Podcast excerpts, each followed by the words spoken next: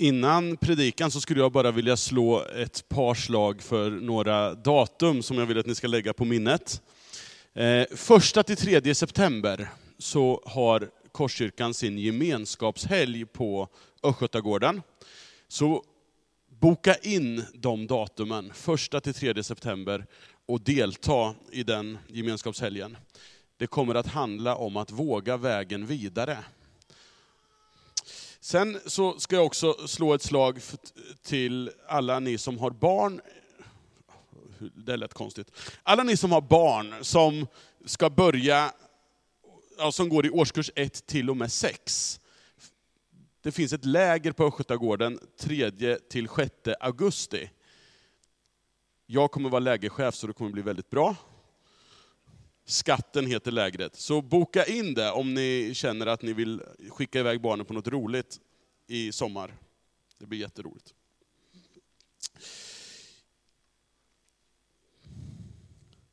Temat för idag är, liksom förra söndagen, vägen vidare. Och som församling så står just nu Korskyrkan i och inför en del förändringsprocesser. Och det är ju helt naturligt och självklart för en kristen församling att vara i förändring. Eftersom förändring, utveckling och rörelse kännetecknar liv. Och vi som Korskyrkan vill vara en levande församling. Och förra söndagen, precis som Ola var inne på, så beslutade ju vi att utöka satsningen på ungdomar genom att erbjuda Björn Enes en ungdomspastortjänst. Och vi har också börjat arbetet med att titta mer konkret på lokalalternativ inför framtiden. Och vi har börjat, och vi lever mitt i en spännande integrationsprocess, eh, där vi lär känna varandra och försöker vara en församling över språkliga och kulturella gränser. Och mitt i allt det här vi lever i, och kanske just genom de här processerna, så finns en tydlig längtan att det vi är och gör ska vara till välsignelse för Norrköping. Vi hade en spånarkväll för några veckor för någon månad sedan, där vi fick skriva ner, vad drömmer vi om? Och det som vi drömmer om är det här. Det, är det, stora, det som skrivs i stora bokstäver är det som förekom mest på de här förslagen.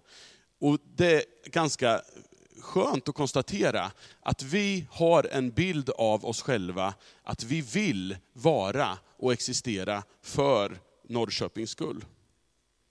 Men de här processerna som jag talade om, och som vi nu identifierat, gör ju också, vi, gör ju också att vi behöver ställa frågor om ägande och bärande av det vi är och gör som församling. Om inte allt det här bara ska stanna vid intressanta tankar och teorier.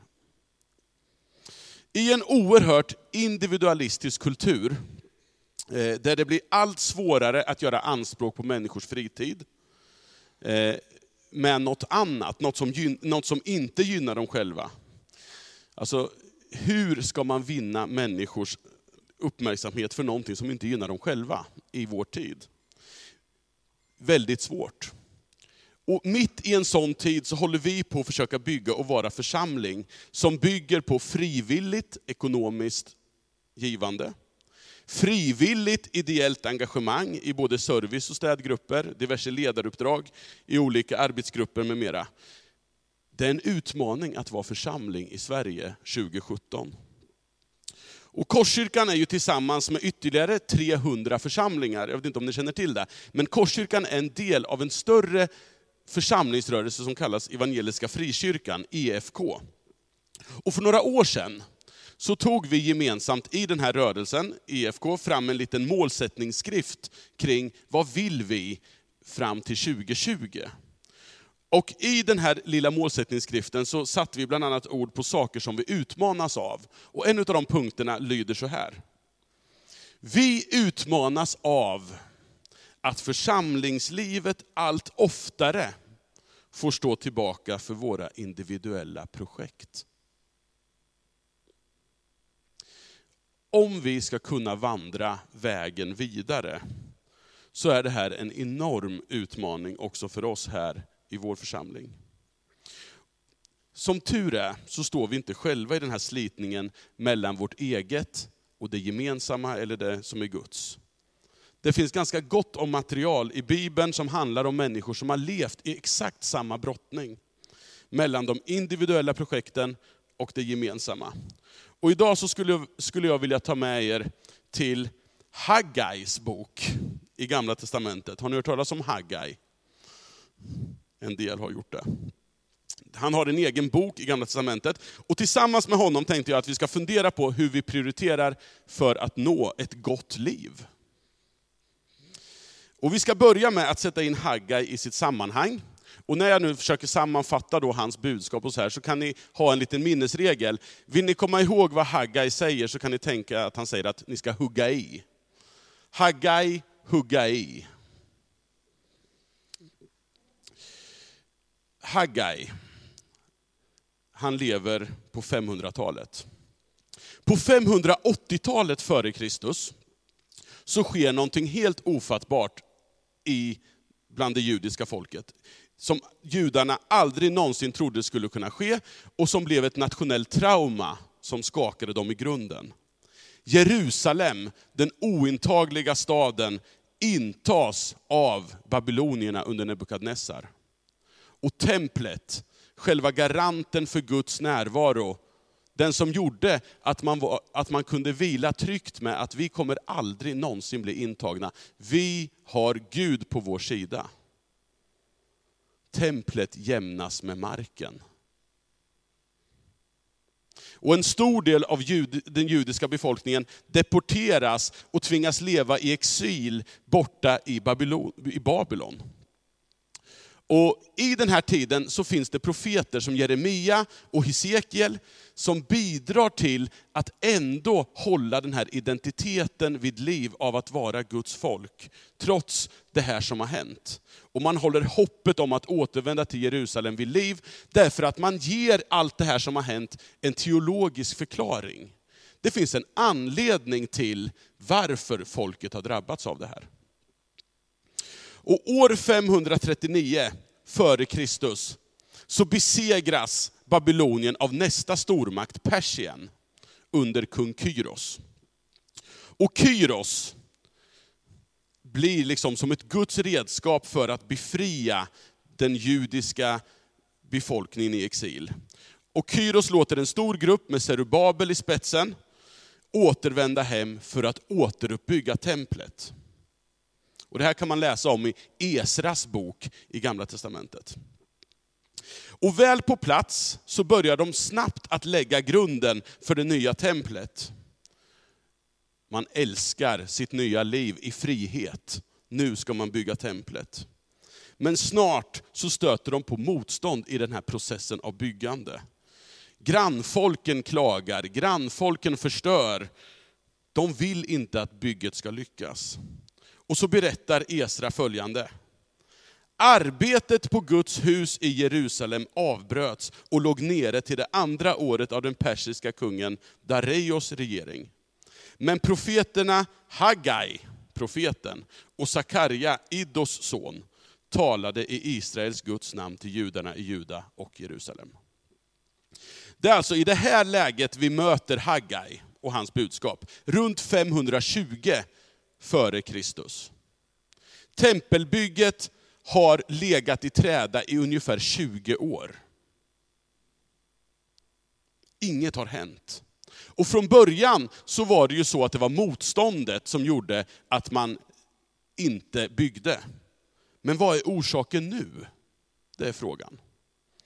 Och då kommer då Guds ord till Haggai. Och han säger följande, och vi ska ta det här i ett snabbt svep via några brottstycken, så ska vi gå igenom Haggais bok och sen försöka fundera lite vad det har att säga till oss.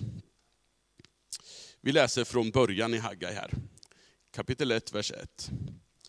Under kung Dareios andra regeringsår, på första dagen i sjätte månaden, kom Herrens ord genom profeten Haggai till ståthållaren i Juda Serubabel, Shealtiels son, och till översteprästen Josua, Josadaks son. Nu kommer det. Så säger Herren Sebaot. Detta folk säger att tiden inte är inne att bygga upp Herrens hus. Därför har Herrens ord kommit genom profeten Haggai. Hur kan tiden vara inne för er själva att sitta i era panelprydda hus, medan detta hus ligger i ruiner? Nu säger Herren Sebaot, tänk på hur ni har det. Ni sår mycket, men skördar lite. Ni äter utan att bli mätta, ni dricker utan att bli glada. Ni klär er utan att bli varma. Daglönaren stoppar lönen i en börs med hål. Så säger Herren Sebaot, tänk på hur ni har det. Gå upp i bergen och skaffa virke, bygg upp mitt hus. Då ska jag se på det med välvilja och uppenbara min härlighet, säger Herren. Ni strävar efter mycket, men får lite. Skörden ni bärgar blåser jag på. Varför, säger Herren Sebaot? Därför att mitt hus ligger i ruiner, medan ni har brott med era egna. Folket som här adresseras av Haggai, har befriats från Babylon för att bygga Guds tempel i Jerusalem. Men istället så har byggandet av Guds tempel ersatts av byggandet av deras egna panelprydda hus.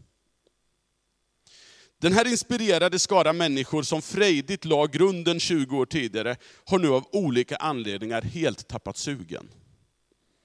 Från att först ha legat nere på grund av yttre motstånd, så har tempelbygget nu allt mer fått stå tillbaka för deras individuella projekt, som vi läste i EFK 2020.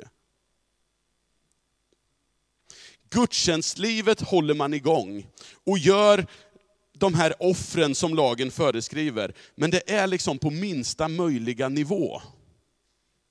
Och Haggai, han angriper det här och verkar mena att folket aldrig kommer att bli tillfredsställt och lyckligt. Även fast man på ytan verkar ha det ganska bra i sina ombonade hus. Ni äter utan att bli mätta. Ni dricker utan att bli glada. Ni klär er utan att bli varma. Tänk på hur ni har det, säger han. Ni strävar efter mycket, men får lite. Haggai ser ett folk som söker tillfredsställelse, men verkar mena att de inte kan finna den, om inte Gud får sin rätta plats.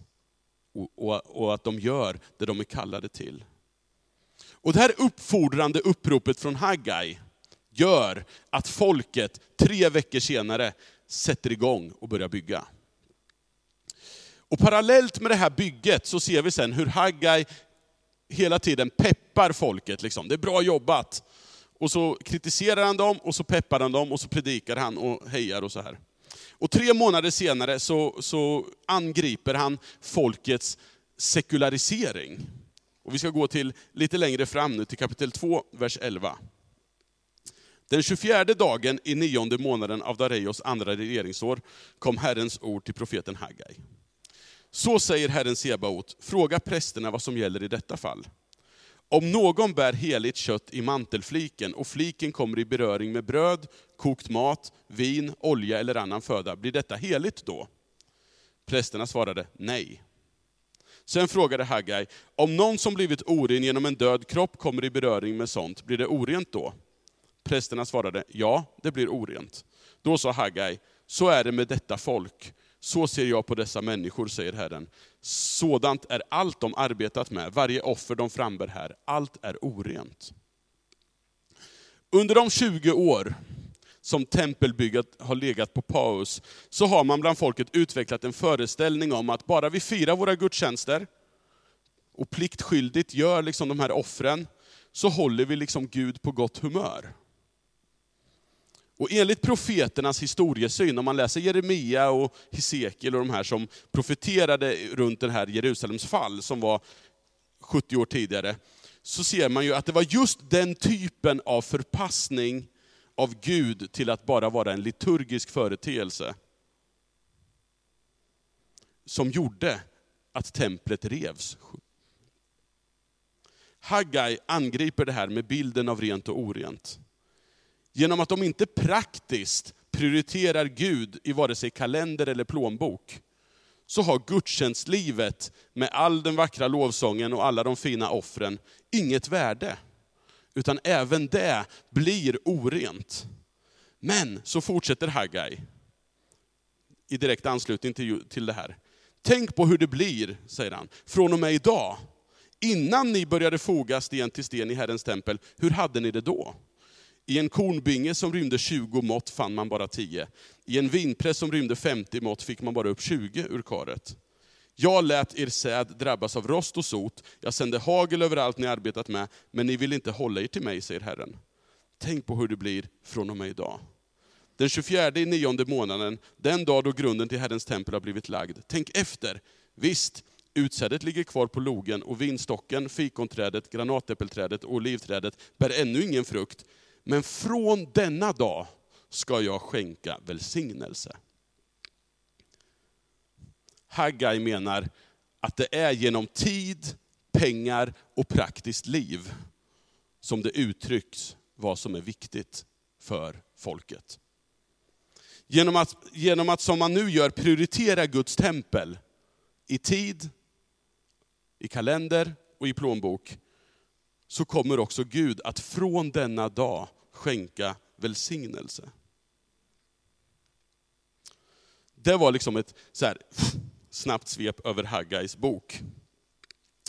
Och jag tror att det finns ganska många beröringspunkter mellan de människor som först hörde Haggais budskap och oss idag.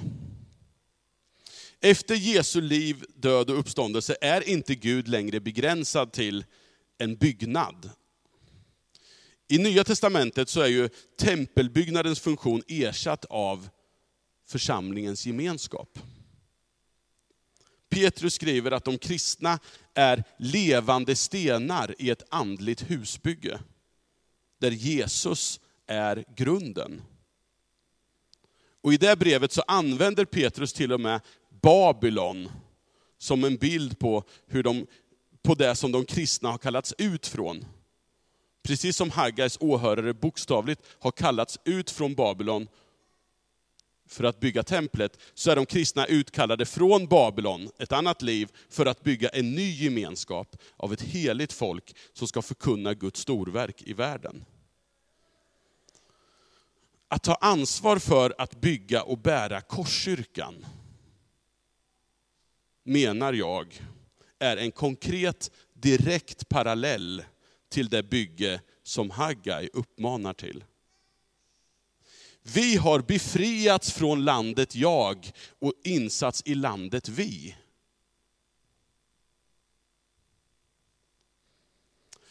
Låt mig därför ställa några frågor till oss. Är vi sekulariserade? Haggais åhörare var sekulariserade. Och problemet var inte att de inte trodde på Guds existens. Problemet var inte att de inte firade gudstjänster. Tvärtom var de antagligen mycket noga med att de liturgiska momenten sköttes by the book. Och att den uttalade officiella teologin var väldigt renlärig och välformulerad. Problemet var att de på område efter område i sina liv levde som om Gud inte fanns. De fina orden, sångerna och offren blev ett sorts alibi för att i övrigt slippa Guds inblandning i sitt liv. Vårt problem är inte nödvändigtvis att vi inte går i kyrkan. Det kan det vara. Och jag tror personligen att det är helt avgörande för oss att vi går i kyrkan regelbundet för att motverka sekularisering i våra liv. Men problemet är ju när vi, när vi enbart förlägger Gud i kyrkan.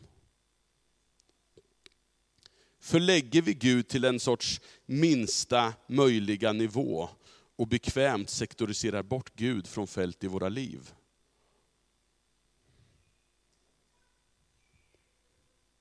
Andra frågan, hur prioriterar vi? Och det här kanske vi anar om vi är sekulariserade eller inte. För om vi är sekulariserade eller inte tar sig uttryck i hur vi prioriterar. Kalender och kontoutdrag är, tror jag, ganska goda termometrar för vad jag egentligen tycker är viktigt. Oavsett vad mina läppar bekänner. Hur kan tiden vara inne, frågar Haggai, för er själva att sitta i era panelprydda hus, medan detta hus ligger i ruiner? Att ägna det mesta av vår tid, vår energi och ekonomiska resurser åt våra egna individuella projekt, oavsett hur de ser ut. Om det är frimärkssamlingar, fotbollsmatcher, sommarstugor eller varumärkesbygge på sociala medier. Det är liksom som att återgå till det Babylon som Gud har befriat oss från.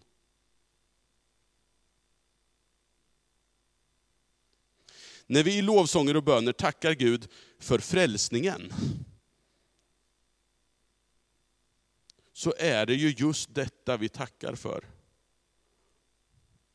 Från den självcentrerade inkröktheten i oss själva, till livet i en ny gemenskap som vi tackar för.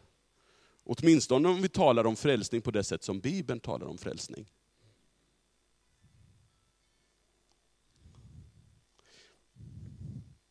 Att investera sitt liv i att bygga och bära församling, det är faktiskt ett konkret och tydligt sätt att, som Paulus uttrycker det i Filipperbrevet, att arbeta på vår frälsning.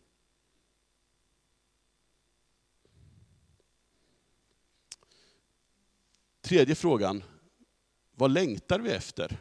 Vilken välsignelse längtar vi efter? Jag vet inte om Jesus tänkte på Haggai när han i bergspredikan, i de ord som Ola läste i inledningen här, går in på människors prioriteringar. För följande stycke är ju som en sammanfattning av hela Haggais bok. Gör er därför inga bekymmer. Fråga inte, vad ska vi äta, vad ska vi dricka, vad ska vi ta på oss? Här ser ni den här parallellen till Haggai. Vad säger han? Jo, han säger, ni äter utan att bli mätta. Ni dricker utan att bli glada. Ni klär er utan att bli varma. Och säger Jesus, allt sånt jagar hedningarna efter. Alltså de som, precis som Hagga sekulariserade åhörare, lever som om Gud inte finns. Men er himmelske fader vet att ni behöver allt detta. Sök först Guds rike och hans rättfärdighet, så ska ni få allt det andra också. Både Jesus och Haggai är ganska överens om att när Gud eller Guds rike hamnar på rätt plats, alltså först, så får det goda följder. Bara då kan människans yttersta behov bli tillfredsställt. Augustinus, han sa så här, du har skapat oss till dig och vårt hjärta är oroligt tills det finner vila i dig. Det är därför Jerusalems befolkning inte är glada, trots allt de har. Är det ett eko i vår konsumtionsinriktade kultur kanske också? Och Det här handlar i grund och botten inte om en sorts framgångsteologi, där allt blir fantastiskt friktionsfritt och fullkomligt, bara vi söker Gud först. Utan istället handlar det om att ens yttersta längtan och ens yttersta begär kommer att förändras när vi i praktiken prioriterar annorlunda. Istället för att ensidigt handla om jag, mig och mitt, formas då vår längtan efter det som rör Guds rike. Ty där din skatt är, kommer också ditt hjärta att vara, säger Jesus i samma predikan. Korskyrkan, den församling som är, flera av oss här inne relaterar ju till den här församlingen som vår församling. Det är ett uttryck för att Gud, och bara Gud, av nåd och bara nåd har räddat den här världen. Det är grunden. Gud har räddat den här världen. Han har fört oss från Babylon till ett nytt liv. Av nåd. Och vi kan uttrycka den här befrielsen, den här frälsningen, genom att delta, ta ansvar för och bära det som sker i och genom den här församlingen. Och då kan vi också få delta i en ny sång, där vi inte utgår från jag, mig och mitt, utan söker Guds rike först. Så ska ni få allt det andra också. Om vi på allvar ska kunna våga vägen vidare som församling i de här processerna vi nu har tagit steg i riktning mot. Om vi ska kunna ta de beslut som vi anar att den här vägen för med sig, så vill jag utmana oss att låta frälsningen också ännu mer innefatta vår plånbok och vår kalender. För det behövs. Vi ber. Tack Gud för att du är den som har gjort allt. Du har räddat den här världen genom din, ditt liv, din död och din uppståndelse. Tack för det Gud. Och tack för att vi av nåd har fått bli indragna i din gemenskap. Och vi ber dig Gud om att du ska leda oss vägen framåt. Vi ber för de processer som vi har initierat nu som församling och som vi vill gå vidare i. Hjälp oss att,